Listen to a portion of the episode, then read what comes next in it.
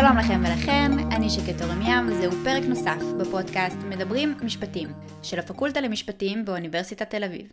הפעם נדבר עם פרופסור אסף לחובסקי, מומחה להיסטוריה של המשפט, על הקשר בין פוליטיקה, מסורת, והאופן שבו אנחנו חושבים על המשפט.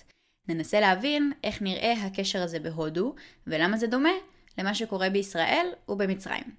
השיחה שלנו תתבסס על המאמר שפרסם פרופסור לחובסקי, מעבדה משפטית קולוניאלית, חדשנות תורת משפטית באימפריה הבריטית. אבל, לפני הכל, שלום פרופסור לחובסקי, תודה שהצטרפת אלינו היום. שלום רב. הכותרת של המאמר מסגירה את התשובה במובן מסוים, אבל הרצון והלגיטימציה להשוות בין הודו, ישראל ומצרים נובעים מהמכנה המשותף של המדינות, שזו בעצם בריטניה. אז בואו נתחיל בהתחלה. איך הפכה בריטניה למכנה המשותף? ישראל, כמו שאתם יודעים, הייתה בזמנו טריטוריה שהייתה כפופה לשלטון הבריטי במסגרת המנדט של חבר הלאומים, והיא הייתה חלק מהאימפריה, ועל האימפריה הזאת היו עוד הרבה טריטוריות. הטריטוריה החשובה ביותר הייתה הודו, ששם הבריטים שלטו בעקיפין בעצם מהמאה ה-18. הייתה חברה, חברת הודו המזרחית, שסחרה עם אה, ההודים, והחברה הזאת לאט לאט הפכה לגורם שלטוני. אה, באיזה שלב, אחרי מרד גדול שהיה בהודו באמצע המאה ה-19, בריטניה נכנסה אה, בצורה ישירה כשליטה, והודו, חלק גדול ממנה הפך בעצם לאזור, לטריטוריה שבה שולטים אנשי ממשל, פקידים, משפטנים בריטים. גם מצרים, שעליה אני מדבר בצורה קצת אה, חלקית, אה, במאמר הייתה תחת שלטון בריטי, היא הייתה פרוטקטורט, זאת אומרת היא הייתה לכאורה מדינה עצמאית, אבל הבריטים שלטו שם בפועל מ-1882. אז כל שלושת הטריטוריות האלו היו בחלק מהאימפריה שהייתה אחת מהאימפריות הגדולות והחשובות בעולם, וגם המשפט אה, של כל שלושת המקומות האלו כמובן הושפע בצורה עמוקה מהנוכחות של פקידים ואנשי ממשל בריטים. זאת אומרת, אנשי הממשל, אחרי שהאימפריה נכנסה לכל אחת מהטריטוריות, התחילו פשוט לשנות את המשפט המקומי. אה, כן, בכל אחד משלושת המקומות האלו היו, אה, שיטה, הייתה שיטת משפט קודמת. אה, אנחנו יודעים למשל שבארץ ישראל, מידע כללי, שלטו לפני הבריטים, הטורקים, היה שלטון עות'מאני, והיה משפט עות'מאני שהיה בחלקו מוסלמי ובחלקו מבוסס על משפט צרפתי, והבריטים ברגע שהם מגיעים לכאן במלחמת העולם הראשונה, הם בעצם לאט לאט מתחילים להחליף את המשפט הקיים במשפט אה, שמבוסס על המשפט האנגלי, ועד היום, כמו שכולנו יודעים, המשפט הישראלי בעצם יש לו קשר מסוים עם אנגליה, אה, ותהליך דומה קרה גם במצרים. מצרים גם הייתה חלק מהאימפריה העות'מאנית, באיזה שלב השליט המקומי הופך ליותר עצמאי, ואז באים הצרפתים והאנגלים ומשתלטים בעצם על המדינה ומחליפים את המשפט במשפט שהוא יותר קשור למשפט המערבי, והאנגלים הופכים ליותר דומיננטיים, אז המשפט הופך ליותר אנגלי, או לפחות יש השפעה אנגלית מסוימת. בהודו שיטת המשפט, לפני אה, שהאנגלים מגיעים, היא שיטת משפט שמבוססת על משפט הינדואי, אה, וגם על משפט מוסלמי. היו כובשים מוסלמים של חלקים מהודו לפני שהגיעו האנגלים. וגם כאן יש תהליך שבו בצורה הדרגתית, לאט לאט, מגיעים פקידים אה, ומושלים אה, אנגלים, והם בעצם, אה, ומשפטנים אנגלים, והם בעצם מחליפים את המשפט הקיים באופן חלקי במשפט שהוא משפט אנגלי. עכשיו, השינוי הזה של המשפט הוא לא עניין טכני. זו בעצם אחת הדרכים שבהן הבריטים ניסו להחדיר את המנהגים, החשיבה והערכים שלהם למקומות שבעצם אולי בכלל התנהגו וחשבו על דברים בצורה אחרת. וזה מביא אותנו אל המונח שנמצא בכותרת המאמר שלך, תורת משפט. האופן שבו אנחנו חושבים על המשפט, מה המשפט צריך להיות ומה הוא צריך לעשות. נכון, אנחנו, אה, במאמר זה אני מדבר לא כל כך על הנורמות המשפטיות, אלא על משהו קצת יותר אבסטרקטי, אה, משהו קצת יותר תיאורטי, שזה משהו שנקרא תורת המשפט או פילוסופיה של המשפט. שזה אוסף של רעיונות אה, שנוצרים בעיקר במוסדות של חינוך משפטי, על מהות המשפט, מה ההבדל בין משפט למשל לדת, מה ההבדל בין משפט למוסר, על אופן ההתפתחות של המשפט, זאת אומרת איך המשפט מתפתח מחברות קדומות ובחברות אה, מודרניות יותר. אה, ואחד מהדברים שקורים באימפריה הבריטית זה שהבריטים מתחילים להכשיר משפטנים מקומיים אה, במוסדות של חינוך משפטי, ובמסגרת התהליך ההכשרה, אחד מהדברים הראשונים שהתלמידים זאת אומרת, לומדים... מוסדות משפטיים בהודו, ישראל ומצרים. נכון, בכל אחד מהמקומות האלו יש חינוך משפטי פורמלי, ובמסגרת החינוך המשפטי הפורמלי הזה, התלמידים גם לומדים פילוסופיה של המשפט, זאת אומרת, הם לומדים בצורה תאורטית על המשפט, אה, לפני שמתחילים ללמוד את הכללים הספציפיים של תחומים משפטיים כמו דיני חוזים או דיני עונשין או משפט חוקתי, הם גם לומדים לחשוב באופן קצת יותר מופשט אה, על המשפט. אה, יש הבדל בין מקומות שונים באימפריה מבחינת השאלה האם קיימים בהם מוסדות של חינוך משפטי. ברוב הטריטוריות, ברוב המושבות הבריטיות, לא היה חינוך משפטי פורמלי עד מאוד מאוחר, למעשה בהרבה מקומות עד אמצע המאה ה-20. לא היו אוניברסיטאות שבהם המשפטנים המקומיים למדו משפט. הם נסעו לאנגליה ללמוד משפט, או הוכשרו כשוליות אה, בזה שהם פשוט הלכו למשרד של עורך דין מקומי וראו אה, שם איך אה, להיות משפטן. ששוב, אנחנו צריכים להבין את החשיבות של זה. זאת אומרת שהם הלכו לאנגליה ולמדו שם את האופן שבו הבריטים חושבים על משפט, נכון. על הדרכים שלהם, על הערכים שלהם, ואז חזרו לארץ המוצא שלהם ויישמו את מה שהם למדו. נכון, אבל הבעיה הייתה שלא הרבה אנשים עשו את זה, כי לנסוע ללמוד באנגליה היה דבר מאוד מאוד יקר, היית צריך גם לנסוע לאנגליה וגם לחיות שם, ועלות מחיה אה, למישהו שבא מהמושבות זה משהו שהוא דבר בעייתי, ומעט יחסית אנשים עשו את זה. ברוב המקומות, כמו שאמרתי, לא היה חינוך משפטי פורמלי, אפשרו לאנשים ללמוד פשוט כשוליות. בהודו גם בארץ ישראל וגם במצרים היו מוסדות פורמליים להכשרה משפטית, זאת אומרת היו או אוניברסיטאות או בתי ספר למשפטים שבהם היית יכול ללמוד כמה שנים, אה, לעבור בחינות ואז להפוך אה, למשפטן. אז גם הודו, גם ארץ ישראל וגם מצרים הן מעניינות מבחינה זו, לא, זה לא היו המקומות היחידים, היו עוד כמה מקומות, אה, אבל יחסית באימפריה ובוודאי בחלקים שבהם לא היו מתיישבים לבנים בכמויות גדולות, אני לא מדבר על קנדה לא מדבר על דרום אפריקה, לא מדבר על ניו זילנד או על אוסטרליה, ההיסטוריה של החינוך המשפטי הפורמלי היא חדשה מאוד יחסית. זה לא המצב, כמו שאמרתי, בהודו, בהודו מהמאה ה-19 יש לנו בתי ספר למשפטים, יש לנו הרבה יחסית סטודנטים למשפטים, יותר מבאנגליה, יש יותר בתי ספר ויותר סטודנטים, ויש אה, קורסים בתורת המשפט, בפילוסופיה של המשפט, ויש ספרים שיוצאים שנועדו לאפשר אה, לסטודנטים ללמוד על התחום הזה. אז אפשר להסתכל על הספרים האלו, וזה מאוד מעניין להסתכל עליהם ולהשוות אותם למה שנעשה באותו זמן באנגליה. זאת אומרת, לחשוב על מה לומדים הסטודנטים באנגליה, כיצד הפרופסורים, החוקרים של המשפט, חושבים על אה, משפטים, מהו המשפט, איך הוא מתפתח באנגליה, ומה עושים במקביל במקומות כמו הודו. המאמר שלי עוסק בהבדלים, בשאלה כיצד העובדה שהמשפט שמגיע, אה, המשפט של הודו למשל, הוא משפט שהוא בחלקו אנגלי ובחלקו משפט מקומי, משפיע על האופן שבו חושבים בצורה תיאורטית האנשים בהודו, גם אנגלים שנמצאים בהודו וגם הודים, על מהו המשפט, כיצד המשפט משתנה. אז במאה ה-19 לפחות רעיון שאתה מספר שהיה מאוד פופולרי בקרב הסטודנטים בהודו הוא זרם המחשבה של ג'ון אוסטין שמתואר במאמר ככזה שחושב שלמשפט ובעצם למדינה צריך להיות כוח אבסולוטי, והאזרחים מצידם צריכים לציית למה שהמשפט אומר. אה, ועולה מהתיאור סוג של אה, תמונה של אה, מדינת משטרה אפילו. זה נשמע מוזר שהרעיון הזה היה כל כך מקובל בקרב הילידים במרכאות, כי הוא מאוד מגביל. אז ג'ון אוסטין, שהוא פילוסוף, אולי הפילוסוף החשוב של המשפט באנגליה במאה ה-19, תולמיד של ג'רמי בנטאם, אחד מהפילוסופים האנגלים הגדולים של סוף המאה ה-18 ותחילת המאה ה-19, הוא באמת אבי תורת המשפט האנגלית, או לפחות זרם אחד חשוב בתורת משפט אנליטית, והתפיסה של, שלו של המשפט, אם רוצים לתמצת אותה בקצרה, זה המשפט הוא פקודתו של הריבון. אוקיי? המשפט נבדל ממערכות נורמטיביות אחרות, ממערכות אחרות של כללים. אה, שאומרים לאנשים, כללי התנהגות, שאומרים לאנשים מה לעשות, בזה שהוא מגיע מאדם שנקרא הריבון, שיכול להיות המלך או הפרלמנט.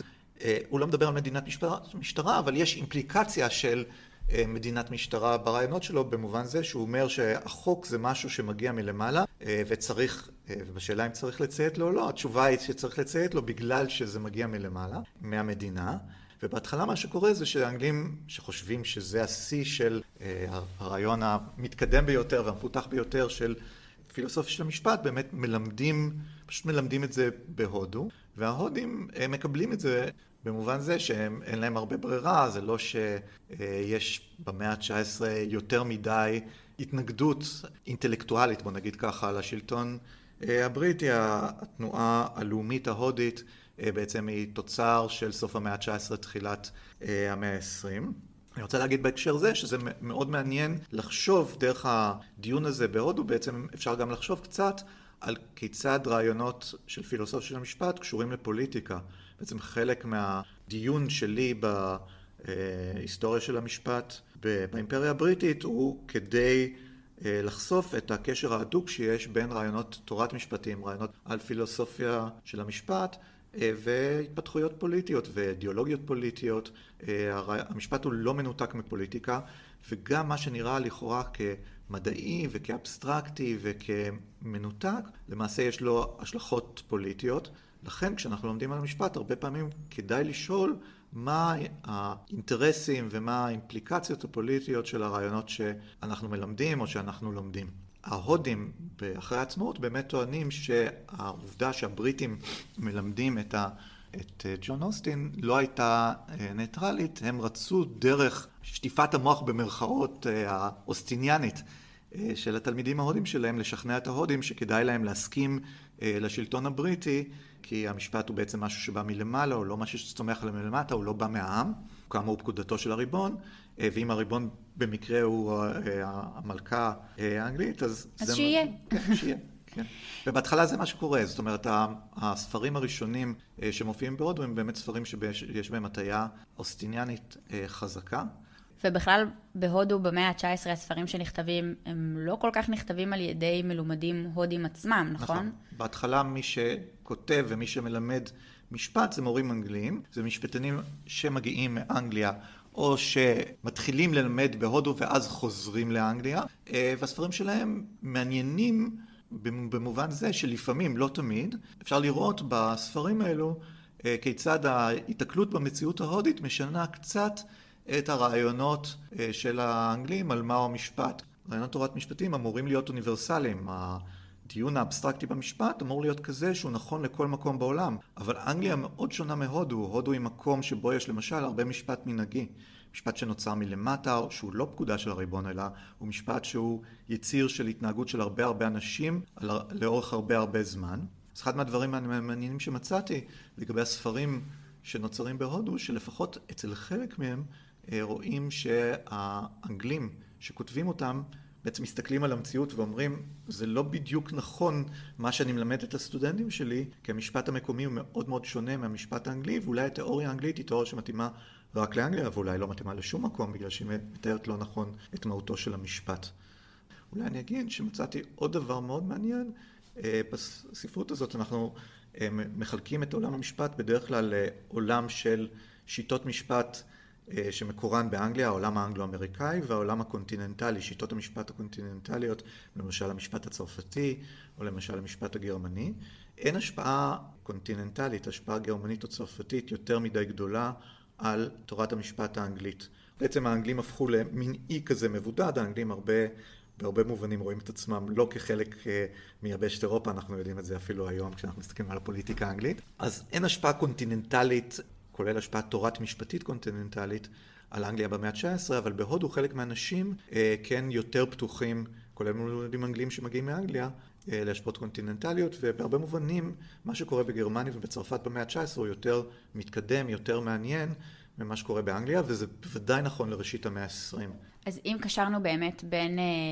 פוליטיקה לבין uh, תורת משפט. במאה ה-20 אנחנו רואים שינוי בעקבות העלייה של תנועות לאומניות. גם בהודו, אבל גם בישראל וגם במצרים. אז אולי כדאי שנתחיל אה, בהודו ונמשיך משם לישראל ומצרים. מה זו התנועה הלאומנית כפי שאנחנו רואים אותה בהודו? אוקיי, okay, אז בארצות העולם השלישי, במדינות שנשלטות על ידי אימפריות אירופיות לא באירופה, בשלב מסוים מופיעים אנשים שרוצים עצמאות. הרבה מהאנשים האלו אגב הם משפטנים, זאת אומרת המנהיגים הגדולים אה, של תנועות אה, לאומיות בהרבה מהמושבות שהופכות אחר כך למדינות עצמאיות, הם אנשים שההכשרה שלהם היא הכשרה משפטית, אפשר לחשוב בהודו למשל על גנדי, אוקיי? אפשר לחשוב בארץ על בן גוריון, אפשר לחשוב על הרבה מהמנהיגים של מדינות ערב, שבשלב לפני שהם הפכו למדינות שמונהגות על ידי אנשי צבא, על ידי גנרלים, אז הדור הראשון של המנהיגים היותר ליברליים היה אנשים שהיה להם הכשרה משפטית. אה, והאנשים האלו דורשים לאט לאט אה, עצמאות. אנחנו מכירים את זה גם מההיסטוריה שלנו, הציונות. זאת אומרת, הציונות היא תנועה לאומית שהיא בחלקה תנועה אירופית, אבל גם תנועה בעצם של עם שהוא במובנים מסוימים עם של העולם השלישי. היהודים הם לא משולבים מאוד במדינות, בטח במדינות מזרח אירופה, אה, שבהם גרה האוכלוסייה, רוב האוכלוסייה היהודית בראשית המאה ה-20. מה שמעניין לגבי תנועות לאומיות, שהן כוללות הרבה פעמים גם מבוססות על דרישות פוליטיות לעצמאות, אבל יש, בה, יש בהם גם אלמנט תרבותי. זאת אומרת, הרבה מאוד מהתנועות הלאומיות כוללות גם דרישה להחייאה של התרבות הלאומית. שוב, אנחנו מכירים את זה טוב מההיסטוריה הציונית, אה, הרצון למשל אה, להחיות את השפה העברית. אז גם בהודו, במקביל לדרישה לעצמאות מהבריטים, שזו דרישה שקיימת גם במאה ה-19, יש מרד גדול, כמו שאמרתי בהתחלה, ב-1857, שמביא לזה שבמקום שהחברה האנגלית, חברת הודו המזרחית, תשלוט בהודו אה, בעקבות המרד שולט בו במדינה, גם בצד הדרישה לעצמאות פוליטית יש ניסיון להחיות, לטפח את התרבות המקומית, ספרות מקומית, את השפות המקומיות אה, וגם את המשפט. אה, יש שיטות משפט מקומיות, המשפט ההינדואי, לא אפשר לדבר על משפט אחד, יש טקסטים משפטיים עתיקים של הדת ההינדואית, אה, וכמובן גם יש משפט מוסלמי, ואנשים מתחילים באיזה שלב להגיד, הדברים האלו הם לא דברים מיושנים ופרימיטיביים שאבד עליהם הקלח. ואין להם מקום בשיטת משפט מודרנית. זאת אומרת, אולי לא בהכרח מה שאנגליה מביאה לשולחן זה הדבר הטוב ביותר שאנחנו נכון, יכולים המשפט, לבקש בשביל עצמנו. נכון, המשפט המערבי הוא אה, לא שלנו, ואולי הוא גם בעייתי. הוא לא מתאים, גם, גם הוא לא מתאים לנו, אבל גם אולי הערכים שלו הם לא ערכים שאנחנו צריכים אה, לחיות לפיהם. Okay, זה, זה רעיון אה, שמופיע בראשית המאה ה-20, זאת אומרת, יש תנועה של תחייה לאומית הודית, אה, המוקד שלה הוא בבנגל, במזרח הודו, אה, ויש שם אוניברסיטאות ויש שם אינטלקטואלים מקומיים, והאינטלקטואלים האלו גם מטפחים את הספרות שלהם, את השפות השונות, וחלק מהם בגלל שהם משפטנים אומרים בואו נסתכל על שיטות המשפט שלנו, נחקור אותם, נכתוב ספרים על תורת המשפט, על התפיסות האבסטרקטיות יותר של המשפט המקומי, ונוכיח שהשיטות האלו הן שיטות שאולי צריך לאמץ אותן ולא לדחוק אותן הצידה ולזנוח אותן בגלל שהאנגלים אמרו, להם, אמרו לנו שהן אה, שיטות משפט פרימיטיביות. אני אולי אוסיף שבמאה ה-19 מאוד מקובל להסתכל על העולם דרך משקפיים אבולוציוניות, זאת אומרת לסדר את ההיסטוריה כאילו יש שלבים שונים בסולם של התפתחות היסטורי, ובדרך כלל מסתכלים בטח באירופה מסתכלים על המערב כשלב האחרון בסולם ההתפתחות האבולוציוני, ועל התרבות, כולל המשפט, הלא מערבי, כמייצג שלבים נחותים יותר, נמוכים יותר בסולם ההתפתחות. והלאומנים המקומיים אומרים, מה פתאום, זה לא נכון, המשפט שלנו אולי יותר מתקדם דווקא מהמשפט המערבי. אבל למשל... אותם לאומנים, כשהם הולכים וכותבים את הספרים שלהם ואת המחשבות שלהם על המשפט, אנחנו רואים שהם עדיין... נאבקים להשתחרר מהרעיונות הבריטים. הם עדיין שבויים בקונספציות, הם לא מצליחים ליצור משהו עצמאי לחלוטין. נכון. וזאת בעיה נכון, שהיא הייתה נכון. מאוד דומיננטית בישראל, ובאיזשהו מקום, תנועה להחיית המשפט העברי לא הצליחה אה, להסיר את הכישוף. אה, מהאופן שבו אנחנו, שהתלהבו וחשבו על המשפט הבריטי. נכון, זה, זה רעיון מאוד נכון ומעניין. כי אנחנו כולנו בני תערובת, אנחנו היברידים, אנחנו אה, לא יכולים לשכוח את ההשפעות הזרות אלינו ולהגיע לאיזה תואר מסוים. האמת שזה נכון לא רק לגבי אנשים, הזכרת את האנשים של התנועה להחייאת המשפט העברי, שחלקם המשמעותי היו אנשים חילונים. אם אנחנו מסתכלים גם על המקום היותר טהור במרכאות, שזה הלימוד המסורתי של המשפט, אם אנחנו מדברים לרגע על היהודים, אז הלימוד של ההלכה במוסדות מסורתיים לא מודרניים, כמו למשל ישיבות, אז לא אני, אבל חוקרים אחרים מראים יפה כיצד לאורך ההיסטוריה של ההלכה היהודית, העיסוק בהלכה תמיד הושפע מרעיונות מבחוץ. אם אנחנו מסתכלים על אה, העת העתיקה, היו השפעות מאוד משמעותיות ומאוד מסיביות של שיטות המשפט הזרות, המשפט הרומי במערב, המשפט הססני במזרח, על אה, הגמרא. אם אנחנו עוסקים על ימי הביניים, אז יש דמיון מאוד גדול בין איך שחשבו באשכנז למשל, הרבנים על המשפט העברי, על ההלכה, ואיך שחשבו באותו זמן כמרים, מלומדי משפט, על המשפט הרומי או המשפט הקנוני, המשפט הכנסייתי. אז אם בעולם המסורתי יש השפעות תמיד גם על שיטות משפט דתיות מבחוץ, קל וחומר שזה נכון למשפטנים מודרניים כאלו שרכשו את השכלתם המשפטית במוסדות של השליט. והספרים שעליהם אני מדבר במחקר הם באמת בני כלאיים. הם מדברים על שיטות משפט המסורתיות, המקומיות, הדתיות, אבל מושגים שבהם הם משתמשים כדי להסביר את השיטות האלו הם מושגים שהם מערביים. הם טוענים למקוריות של השיטות המקומיות, אבל הם כבר לא יכולים להיות טהורים לגמרי, מסתכלים בעזרת משקפיים שהם משקפיים מערביות. ומה שמעניין, אני חושב, במאמר שגיליתי, שבעצם מה שאנחנו מכירים לגבי המשפט העברי, התנועה להחייאת המשפט העברי, הוא בעצם משהו קצת יותר רחב, הוא מופיע גם במקומות אחרים, כמו הודו, כמו במידה מסוימת מצרים, זו תופעה אוניברסלית. הלאומיות של העולם השלישי, אם אפשר לקרוא לה ככה, הלאומיות הלא מערבית, מנסה להחיות את התרבות המקומית, אבל ההחייאה הזאת היא משלבת בין תרבות מערבית ותרבות מקומית, והיא דומה בכל מקום. זאת אומרת, אנחנו מנסים לחשוב על ישראל ומה שקרה, כולל גם הרעיון הזה של שילוב המשפט העברי במשפט של המדינה, כמשהו שהוא ייחודי לנו. אנחנו חושבים על אנשים כמו סמוטריץ', או אה, אנשים אחרים שמאוד נלהבים לשלב את המשפט העברי בשיטת המשפט שלנו, ורוצים להקים מדינת הלכה, אבל חשוב להבין שישראל היא לא אי בודד.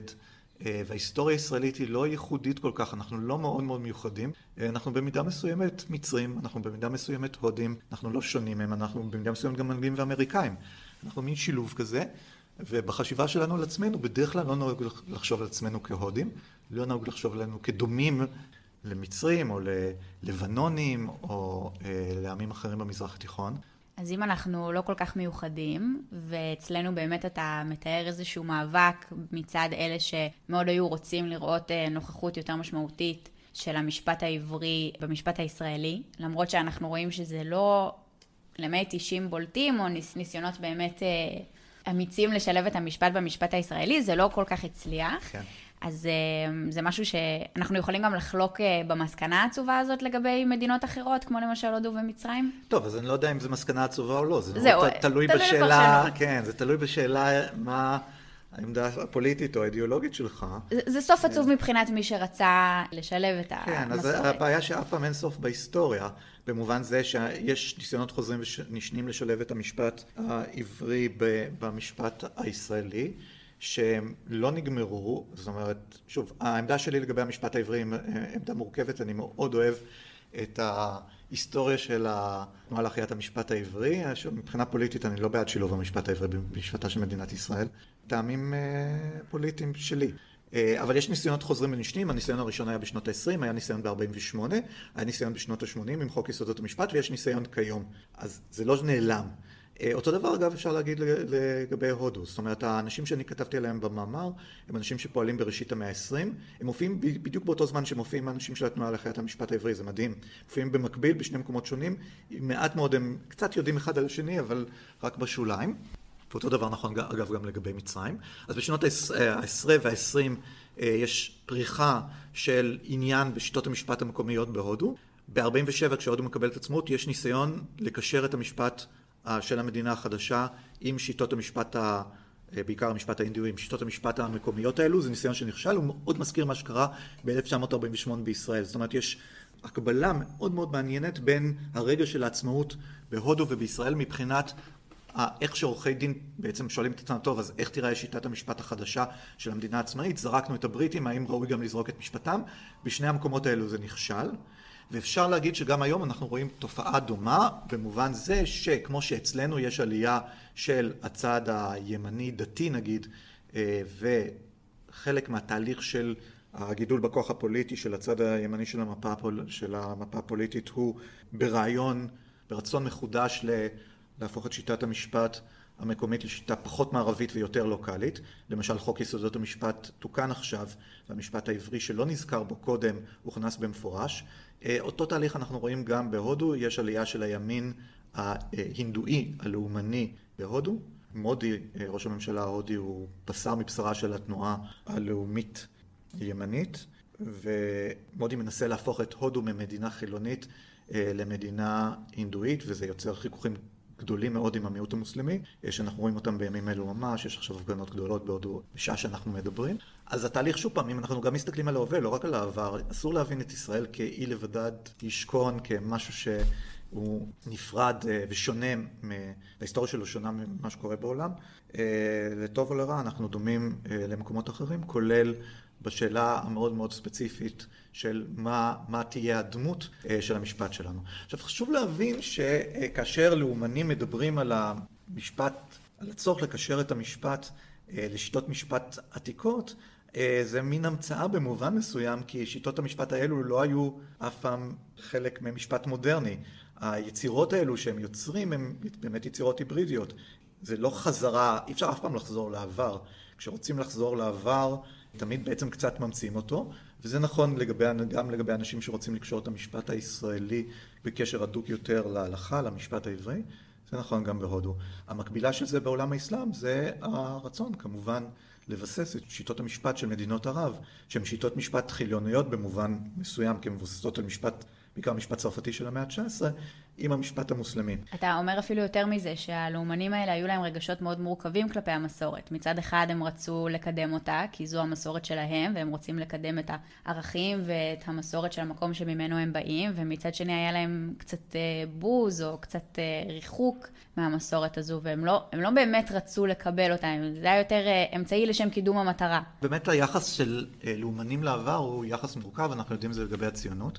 למשל, הציונות דחתה חלקים גדולים מהעבר היהודי. העבר היהודי בגולן נחשב כעבר בזוי ולא ראוי להערצה, כי אנחנו היינו מיעוט נרדף, וכולנו מכירים את היחס המאוד אוהד של הציונות למשל לתנ"ך, למשל של בן גוריון, אה, וזה נכון גם לגבי אה, לאומנים בהודו או בעולם האסלאם. גם אם אנחנו חושבים על, למשל על פונד, פונדמנטליזם מוסלמי, אז הרצון הוא לחזור לאסלאם הטהור, לאסלאם של מכה, ולא לאסלאם כפי שהוא היה בימי הביניים או בעת החדשה המוקדמת או אפילו בעת המודרנית, הוא קולקל, הוא הושחת, הוא עבר תהליך של דגנרציה, צריך לחזור לעבר טהור שהוא בהרבה מובנים עבר מומצא. במובן זה הלאומיות בכל המקומות האלו היא באמת משהו שהוא מודרני באופיו. אני רוצה להגיד רק בהקשר של המזרח התיכון, שבקישור של המשפט המקומי למשפט הקדום, לשיטת המשפט הדתית קצת יותר הצליח במקומות כמו מצרים. אה, במצרים יש מלומד מאוד גדול ומאוד חשוב שקוראים לו עבד אל רזק סנהורי, שהוא היה הקודיפיקטור הגדול של העולם הערבי. והוא... שקודיפיקציה, בוא תיתן לנו הגדרה לטובת מי שלא בקיא. כן, זה, הוא יצר את ספר החוקים, ספר החוקים האזרחי אה, המצרי, ספר שבו מרוכזים בעצם כל הכללים המשפטיים בתחומי המשפט האזרחי, כמו דיני חוזים, אה, והוא אה, עשה את זה על, באמת על אה, בסיס חזרה להלכה המוסלמית לשריעה, והקוד שלו הוא קוד שהתפשט אחר, אחר כך בכל רחבי העולם הערבי, וזו יצירה כמובן, קוד שמבוסס על המשפט המוסלמי, יצירה היברידית, הם שילוב של רעיונות שמקורם באמת בעבר, אבל גם של מבנה שהוא מבנה מודרני. זה בלתי נמנע, אי אפשר להגיע, אי אפשר לשחזר את העבר הטהור.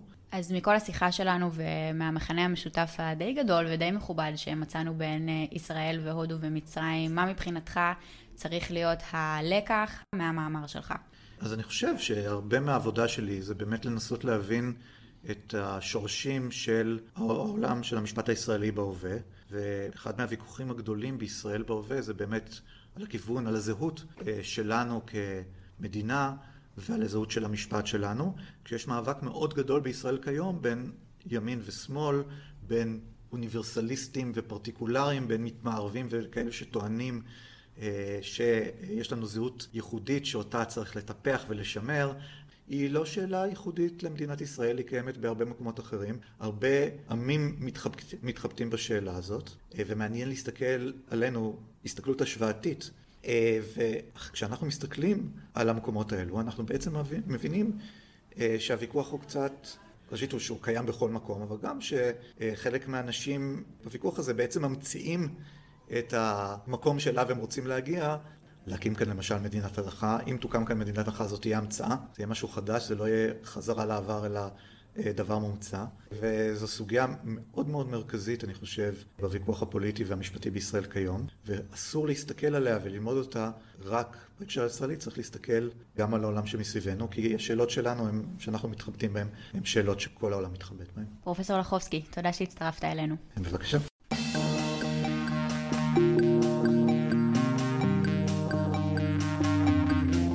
זה היה פרק נוסף של הפודקאסט מדברים משפטים.